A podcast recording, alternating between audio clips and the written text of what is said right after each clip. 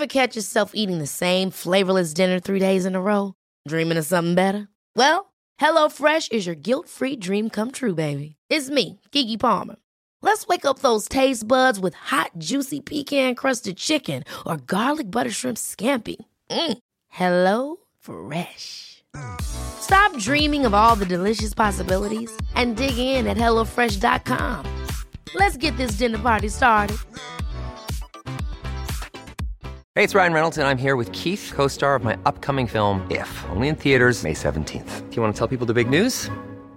All right, I'll do it. Sign up now and you'll get unlimited for $15 a month in six months of Paramount Plus Essential Plan on us. Mintmobile.com slash switch. Upfront payment of $45 equivalent to $15 per month. Unlimited over 40 gigabytes per month. Face lower speeds. Videos at 480p. Active Mint customers by 531.24 get six months of Paramount Plus Essential Plan. Auto renews after six months. Offer ends May 31st, 2024. Separate Paramount Plus registration required. Terms and conditions apply if rated PG.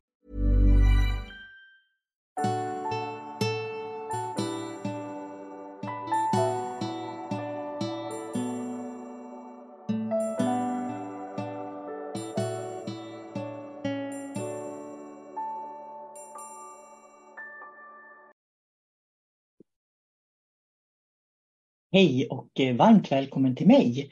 Jag heter sol karina och jag jobbar som andlig lärare och utbildar i olika metoder i Sverige. Dagens podd handlar om ett ämne som du kanske inte har sett från mitt perspektiv eller från det här perspektivet förut. Eh, vi behöver inte leta i Indien eller Sydamerika eller Asien efter människans sanna historia, inre sanning egentligen. Därför att vi har den i Norden och vi har den mycket närmare än vad man kan tro. Och därför ska jag ge dig ett perspektiv på den nordiska mytologin. Mytologi handlar ju om muntliga berättelser som berättas från generation till generation för att föra kunskap vidare. Och därför är det ganska spännande hur kunskapen om människan har blivit historier som vi läser ungefär som vi läser sagor. Och varje kultur har sin egen berättelse. För de här existentiella frågorna, de har alltid funnits hos människan. Vem är jag? Var kommer jag ifrån? Vad är meningen med mitt liv? Det räcker med att man ser upp på stjärnhimlen, på alla stjärnor, så väcks ofta människors nyfikenhet. Vad är det jag ser och vad finns där bortom? När jag var barn så fanns det pysselböcker med, som det var numrerat. 1, 2, 3, 4, 5. Och man kunde inte se vad det var för mönster för alla siffrorna. Men om man följde siffrorna i ordning och drog streck emellan dem mm, från 1 till 2 och från 2 till 3 och så vidare. Då växte det fram en figur.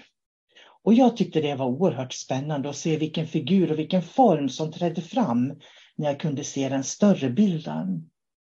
Och lite grann på samma sätt är det att koppla ihop olika religioner, koppla ihop myter och förhållningssätt och idéer som finns eh, på olika platser på jorden. För det finns en röd tråd i dem allihopa. Problemet är att man eh, tolkar dem som sagor istället för att tolka dem som egenskaper som vi människor har. Och det är från det perspektivet som jag kommer att dela med mig av dagens podd. För kan man se bortom liksom liknelser eller metaforer eller symbolik eh, och det har alltid roat mig att göra det för att se hur saker och ting hänger ihop. Och kanske är det till och med en kvalitet eller en egenskap som jag har att kunna se bortanför. För det passar ju väldigt bra när man jobbar som medium och utbildare som jag gör då. Det jag har upptäckt är att alla myter och religioner jorden runt har många gemensamma nämnare. Om man plockar bort den där viskleken så tonar det fram byggstenar för människans existentiella utveckling. Och det var lite det jag tänkte dela med mig av idag genom att ge dig perspektiv då med, med hjälp av den fornnordiska mytologin. Vi vänder oss ofta till den indiska kulturens mytologi för att förstå en större helhet. Men jag tror att det ibland kan förvilla oss också och jag tror att vi faktiskt kan ha lättare att tolka eh, från den, de, den, alltså den kultur vi är fostrade i, så att säga. Eh, eller den tradition som vi fostrade i. Eh, åtminstone upplever jag att det är så. Eh, Sleipner, det är ju hästen med åtta ben, du vet. Och ordet Sleipner betyder faktiskt halkig. Om du tänker dig då människans väg i livet, den är ju inte rak utan den är ju lite halkig så det är inte så lätt att gå på livets väg. Och ändå hålla fokus på det som är rätt.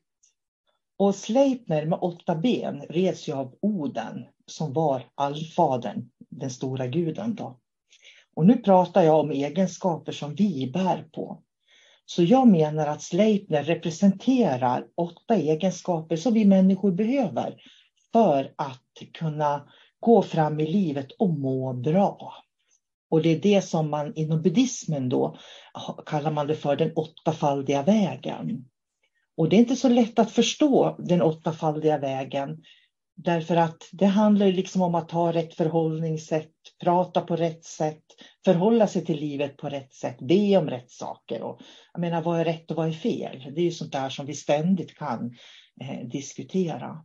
Men det är intressant att den åttafaldiga vägen och hästen Sleipner som har åtta ben faktiskt representerar i grund och botten samma sak. För det är åtta dygder kan man säga, eller egenskaper som vi behöver för att inte vägen ska bli halkig, för att vi ska må bra som jag sa, när vi går på den här vägen. Eh, eller som då med det buddhistiska hjulet, hjulet som rullar fram. Ett hjul behöver vara runt för att fungera perfekt och det betyder att alla de här olika egenskaperna behövs. Eh, står du på en båt och styr den så har du också styr den med hjul, livets hjul så gäller det också att ratta fartyget och balansera på rätt sätt. Hästen symboliserar därför den väg vi går på i livet. Och inom buddhismen finns det egenskaper som vi behöver förvärva för att hjulet och vägen ska vara lätt att gå på. Sleipner var ju Odens häst. Om du tänker dig Oden, att Oden representerar också dig själv, så att alla de här mytiska figurerna är person, delpersonligheter från ditt dimensionella jag, kan man säga. Eh, så Oden representerar dig själv och de vägar du ska välja i livet tillsammans med de symboler som hästen Sleipner då eh, är, till exempel.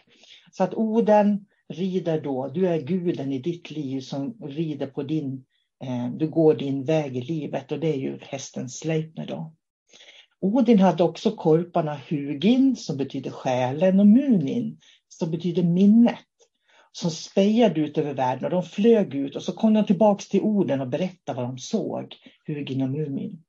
Eh, Ja, jag säger Mumin, men jag tror den heter Munin. Så att, eh, alla felsägelser befriar jag mig ifrån, för man kan säkert säga dem på väldigt många olika sätt.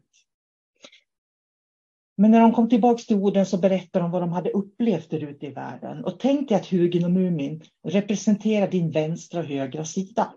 Alltså det kvinnliga och manliga inom dig. För det är ju med det kvinnliga och manliga och de egenskaperna som du tar in information om världen runt dig och inom dig. Två polariteter, två motpoler som tillsammans skapar en balans. Och det är viktigt att veta vad som pågår i världen eftersom du alltid är påverkad av alla skeenden i omvärlden.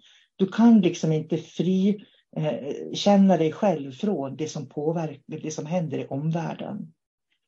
Så tänk dig också att själen och minnet som är allt det där eh, som har varit, det kan du använda dig av för att skapa här på jorden också. Själen utgår från vårt hjärta och vårt inre och det är den delen av oss som har kontakt med alla dimensionerna som finns runt oss. Genom minnet eller munin kan vi plocka upp de minnena som själen har. Både våra egna och andra som levt före oss. De två korparna representerar därför sinnebilder av egenskaper vi bär inom oss, varje människa. Men vem var då Oden? I myter representerades han för att då, eh, han var den som skapade människan. Men tänk dig att du är Oden och han finns inom dig. Och därför kan du skapa dig själv. Och Hugin och Munin är två olika egenskaper som du behöver på den här resan. Hur blev då Oden så vis och klok? Det är ju han med det allseende ögat. För Oden, eller eh, är du nyfiken eh, och vill lära dig Det är ju det liksom som, som visdomen kommer om nyfikenheten. Och Oden, han offrade ett öga för att kunna skåda in i vishetens brunn då, som det heter. Och om vi skulle översätta det till dig som människa så innebär det att du stänger ögat för den yttre världen och vänder ditt medvetande inåt. För inuti dig finns hela kosmos avspeglat. Och därför när du mediterar, ser in i dig själv, så kommer du att se in i Mimers brunn. Den som mediterat mycket, för det har jag gjort, och sett inåt, som inte tar någonting personligt, som tar ansvar för sina känslor och är dimensionellt öppen, kan skåda så djupt i Mimers brunn. Och det är lite grann som att se i Akasha-biblioteket, för hela Akasha-biblioteket finns ju inom dig. Många tror att de ska leta utanför sig själva, men allting finns redan där inom dem. Eh, fast vi skapar yttre bilder, gör yttre resor, så kan vi aldrig se mer än det som redan finns i minnet, i våra själar. Och det är därför vi behöver gå inåt för att lära känna alla de själsegenskaper som finns. Och det är alla de här människorna man pratar om i myter och historier representerar de egenskaperna. Är du redo på att offra någonting för att få visdom? Har du funderat på det någon gång? De buddhistiska munkarna, de kan ju sitta timme in och timme ut och meditera för att lära känna den inre vägen, sitt medvetande och ljuset. För man får verkligen kontakt med kroppen, med sina egna minnen och med själens minnen som finns där från Akasha. Jag hoppas du hänger med mig fortfarande. Oden kallas också den färdigtrötte eller i olika nordiska kulturer för Jolnir eller julfadern. Och det tycker jag är lite spännande för att eh, kan det vara därifrån vi har fått ordet jultomte? Vem vet? Eh, han bor ju i Norden, jultomten, och reser på himlen för att komma med gåvor till den som skött sig. Lite som Oden på sin Sleipner. Allt det här är myter, metaforer och liknelser som man har använt sedan forntiden för att beskriva vilka vi människor egentligen är. Orden kan också översättas till sinne, ande eller extas beroende på hur man uttalade det under forntiden. Oden hängde sig själv upp och ner i Yggdrasil, världsträdet, för att få visdom och där hängde han upp och ner i nio dagar. Jag tycker det är så fascinerande, för när jag började få min andliga uppvisning av de här från ljuset, så var det trädet som var symbolen. Med rötterna på jorden och själen, när trädet växer och expanderar, det är precis vi människor. Eh, och sen kronan då med alla de här olika dimensionerna som finns. Och därför är det så spännande att Yggdrasil, världsträdet, liksom är allt. Och det var där han hängde sig då, Oden, och hängde i nio dagar, bara för att han ville ha visdom.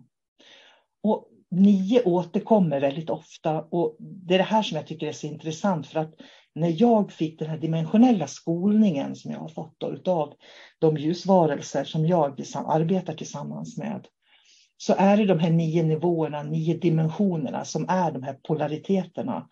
Och för att få visdom så måste man erövra alla de här nio nivåerna och komma till den tionde. För den tionde, då kan man se på det som har varit. Då är du verkligen i centrum av dig själv. Och det är så mycket liknelser, eh, som till exempel i kabbalan. Där gör man inte uppstigningar i kabbalan, utan i kabbalan gör man nedstigningar. Vi kommer från ljuset och går ner i en kropp. Så att kabbalan beskriver väldigt tydligt medvetandet. Då. Eh, och så kabbalan handlar om nedstigning. Eh, så jag menar på att alla som pratar om uppstigningar och dimensionsskiften och massa sånt där trams och ljuskoder och allt sånt där som man håller på med det är för mig hybrider som har fastnat i den här återfödelsekedjan där de eh, identifierar sig med lägre dimensioner. Det är vad jag anser. Då. För inom kabbalan är det nio steg, och det bör, eller tio egentligen. Eh, och så du börjar på det tionde som är den icke-polära världen och så går du ner alla stegen hela vägen ner. Och de här nio stegen innehåller också olika egenskaper som du ska förvärva, då, precis som eh, Sleipner med sina åtta ben som representerar samma sak som den åttafaldiga vägen.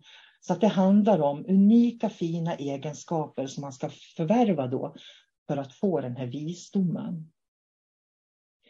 Eh, inom kabbalan är det då nio steg som jag sa, för det tionde steget innebär att man, man liksom är manifesterad då i en fysisk kropp.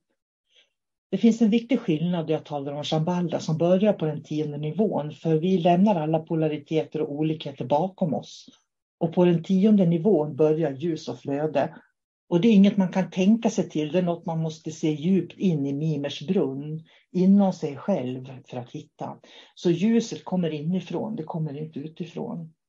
Och jag vet att det finns en metod i Sverige som heter New Shambhala och jag ska bara säga det att det har ingenting med det här att göra överhuvudtaget.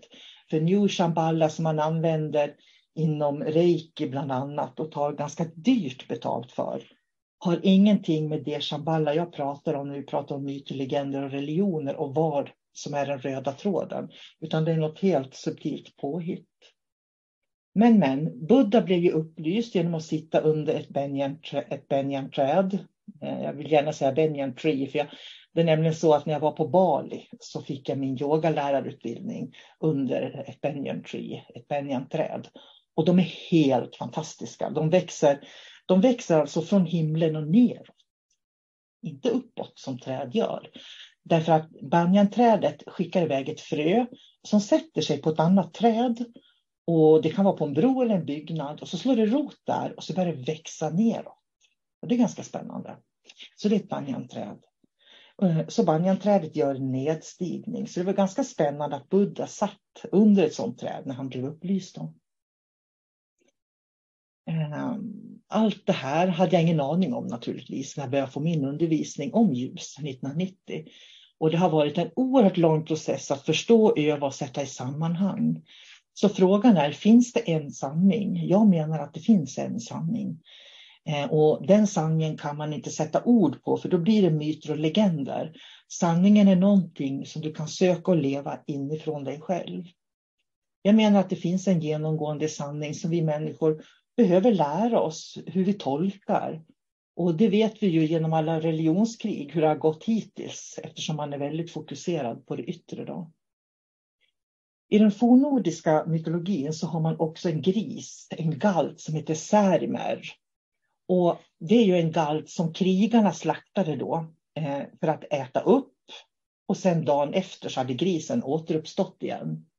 Och för mig symboliserar det eh, då människor som inte lär sig någonting, inte erövrar någon visdom utan konsumerar det ytliga livet. Dag efter dag efter dag.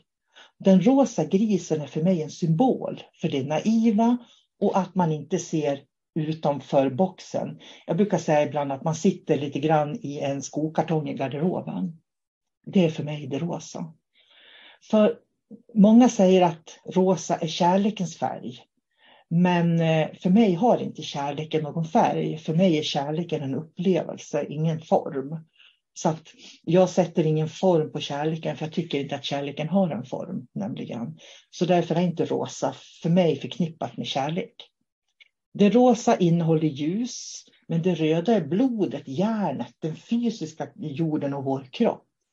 Så med lite ljus, och ljus behöver vi alla ha, utan ljus, för ljus är medvetenhet, skulle vi inte kunna leva. Så blir det då rosa med, med det fysiska, fysiska, fysiska. Så rosa är egentligen en högre nyans utav det röda, skulle man kunna säga. Och därför tillhör det rosa moden och jorden och inte det himmelska för mig. Det är också för mig en symbol för människans begär. Som inom buddhismen pratar man väldigt mycket om begär, att lära sig att inte ha begär på olika sätt. Därför att begären väcker en hunger, en yttre hunger och får oss inte att se in i Mimers brunn, den liksom inuti oss själva. Då. Så vi behöver eh, tygla det är en del av de egenskaper som vi människor behöver tygla, våra begär. Det finns massor av människor omtalade i den fornnordiska mytologin, hur många som helst. Precis som i den grekiska mytologin. Och säkert finns alla karaktärer i alla myter jorden runt. Inom buddhismen finns det verkligen. Det är jättemånga gudar innan du når fram till centrum. Liksom. Eh, och i den, i den indiska så är det ju också en massa gudar och gudinnor som man, man eh, gör en viss, vissa ritualer och ceremonier till. Då, därför att man önskar de egenskaperna. För allting handlar om egenskaper, inte om att se upp till någon gud på något sätt. Utan det handlar om att förvärva egenskaper. Så det finns överallt på jorden. Och man kan se att det återkommer samma egenskaper i olika myter också och religioner runt om. Och sen ska vi inte glömma Midgårdsormen. Och är det inte intressant att den finns där, eller fanns då i den fornord, hos de fornordiska krigarna, på samma sätt som man i Indien talar om kundalini. Och naturligtvis är Midgårdsormen vårt västerländska sätt att prata om kundalini på. Och jag ska förresten tillägga att en krigare i de här mytiska berättelserna handlar om modiga människor. Inte mördare som vi ser liksom i det här kriget i Ukraina, utan det handlar om att vara modig och gå en väg i livet som ibland kan kännas lite gungig. Att våga liksom möta livet, att möta situationer, att ta ansvar för olika saker. Det är krigaren som gör det, för det är tufft att vara krigare i ett, i, i, i ett samhälle bland människor. Där det händer väldigt mycket hela tiden. Då. Eh, så har vi ju Ragnarök, den sista striden. Och som jag ser som upphörandet av de polära världarna där människan går helt in i ljuset i sin ljuskropp. Ragnarök är slutstriden och vad är inte slutstriden än ditt och mitt, människans sista andetag. Och Tor, du vet åskguden, han med hammaren, är faktiskt den som dödar Midgårdsormen. Och han hinner inte gå mer än nio steg så är ormen död. Då kommer nio steg tillbaka igen, nio nivåer. När vi upphör att existera, naturligtvis när vi människor dör, vad är då dödsögonblicket om inte vår alldeles egna Ragnarök? Och varför är det viktigt att förstå de nio stegen? Nio dimensioner som jag så ofta talar om. Jo, därför att där finns polariteterna. Och det är där du har mörker. Det finns mörker där på ett sätt som inte finns på den tionde nivån. För den tionde nivån innehåller inget mörker, ingenting som gör ont, ingenting som skadar, ingen smärta, ingenting sånt. Så på det, i det tionde steget är vi helt och hållet i ljuset. Och jag tror verkligen att det är vår uppgift som människor på jorden att avidentifiera de nio stegen för att bli oss själva som de ljusvarelser vi är. Och det, det, är därför som jag tycker att den esoteriska utbildningen är viktig. Därför att där lär man sig om dimensioner. Och du kan inte välja bort någonting om du inte först har lärt känna det. Det är liksom en, en huvudregel. För om, om jag serverar dig spagetti och köttfärssås eh, så kan inte du säga nej, det tycker inte jag om, om du inte har smakat på det. Så vi behöver smaka för att lära känna det, för då kan vi välja bort det och då är det lättare att gå eh, och spegla sig ner i Mimers brunn också. Så det är viktigt för oss, tror jag, att avidentifiera de här nio stegen Eh, genom att lära känna dem. Och det är ju det som mycket av mina kurser handlar om. Att expandera medvetandet, som jag brukar säga, och lära känna fler nyanser utav sig själv. För då blir vi också mer ljusvarelser. Så det hjälper inte att tänka ljus och meditera på ljus. Du behöver skåda mycket djupare in i Mimers brunn och lära känna de här dimensionerna för att se och förstå vilken väg den sista färden är. Ormen, kundalini, upphör och du blir ljus, du blir rent medvetande. Så att du blir i princip, eh, som jag skulle vilja säga, då, ren kundalini, ren energi. Det är spännande hur alla kungar i buddhismen, alla gudar och gudinnor i Indien, alla berättelser i den fornnordiska mytologin med Snorres bravader eller Abraham och hans söner i den kristna traditionen faktiskt motsvarar egenskaper som varje människa bär. Och det är det här som eh, man inom buddhismen i Kalachakra, då går man igenom, Kalachakra är en initiering som jag fick för några år sedan, som buddhisterna har för att eh, man blir initierad till Shambhala. Då. Och då går man igenom alla de här eh, människorna som finns för att ta sig till sanningen och ljuset som är vårt eget innersta. Då.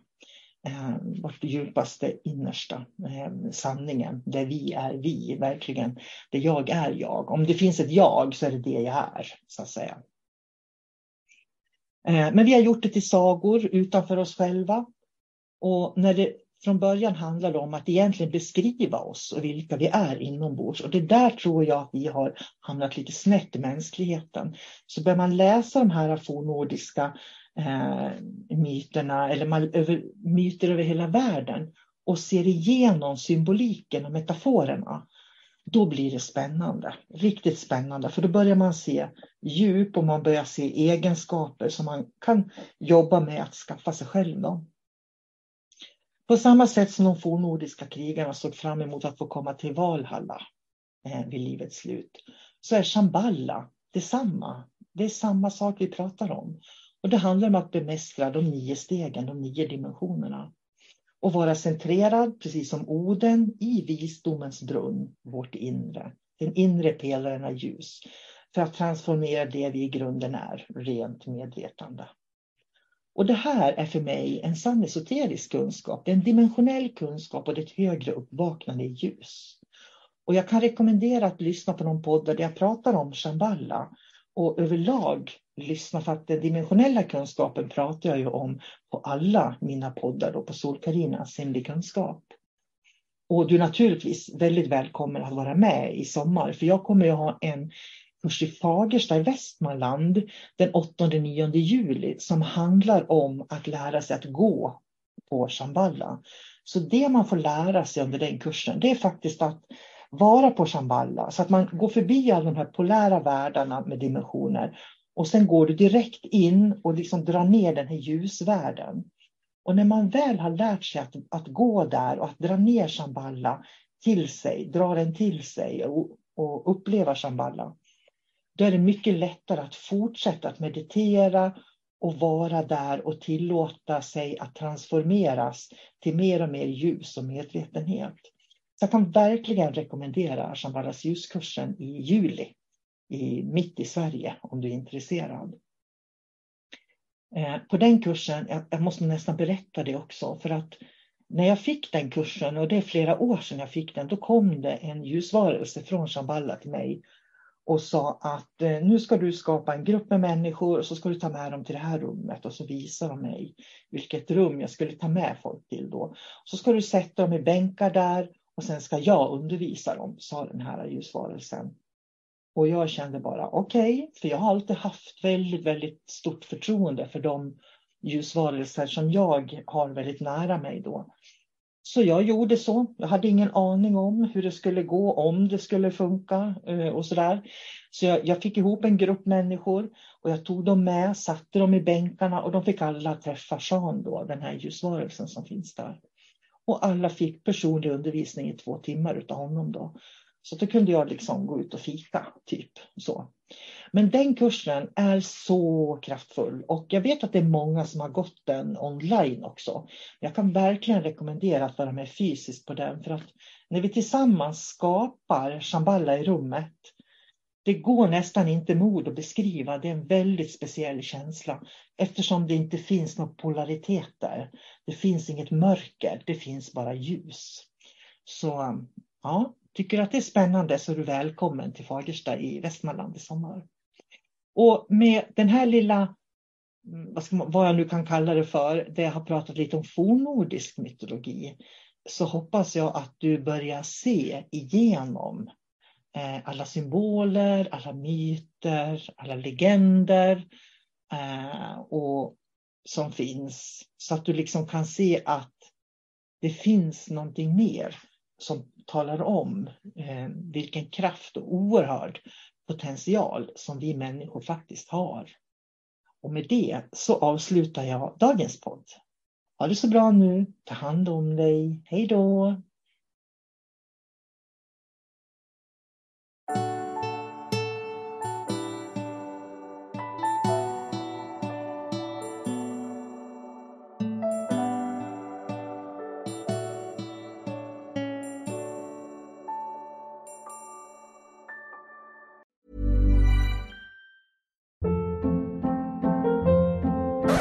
Hold up. What was that? Boring. No flavor. That was as bad as those leftovers you ate all week. Kiki Palmer here, and it's time to say hello to something fresh and guilt-free. Hello Fresh. Jazz up dinner with pecan-crusted chicken or garlic butter shrimp scampi. Now that's music to my mouth. Hello Fresh. Let's get this dinner party started. Discover all the delicious possibilities at hellofresh.com. Planning for your next trip? Elevate your travel style with Quince. Quince has all the jet setting essentials you'll want for your next getaway, like European linen, premium luggage options, buttery soft Italian leather bags, and so much more. And is all priced at 50 to 80% less than similar brands. Plus, Quince only works with factories that use safe and ethical manufacturing practices. Pack your bags with high-quality essentials you'll be wearing for vacations to come with Quince. Go to quince.com/pack for free shipping and 365-day returns.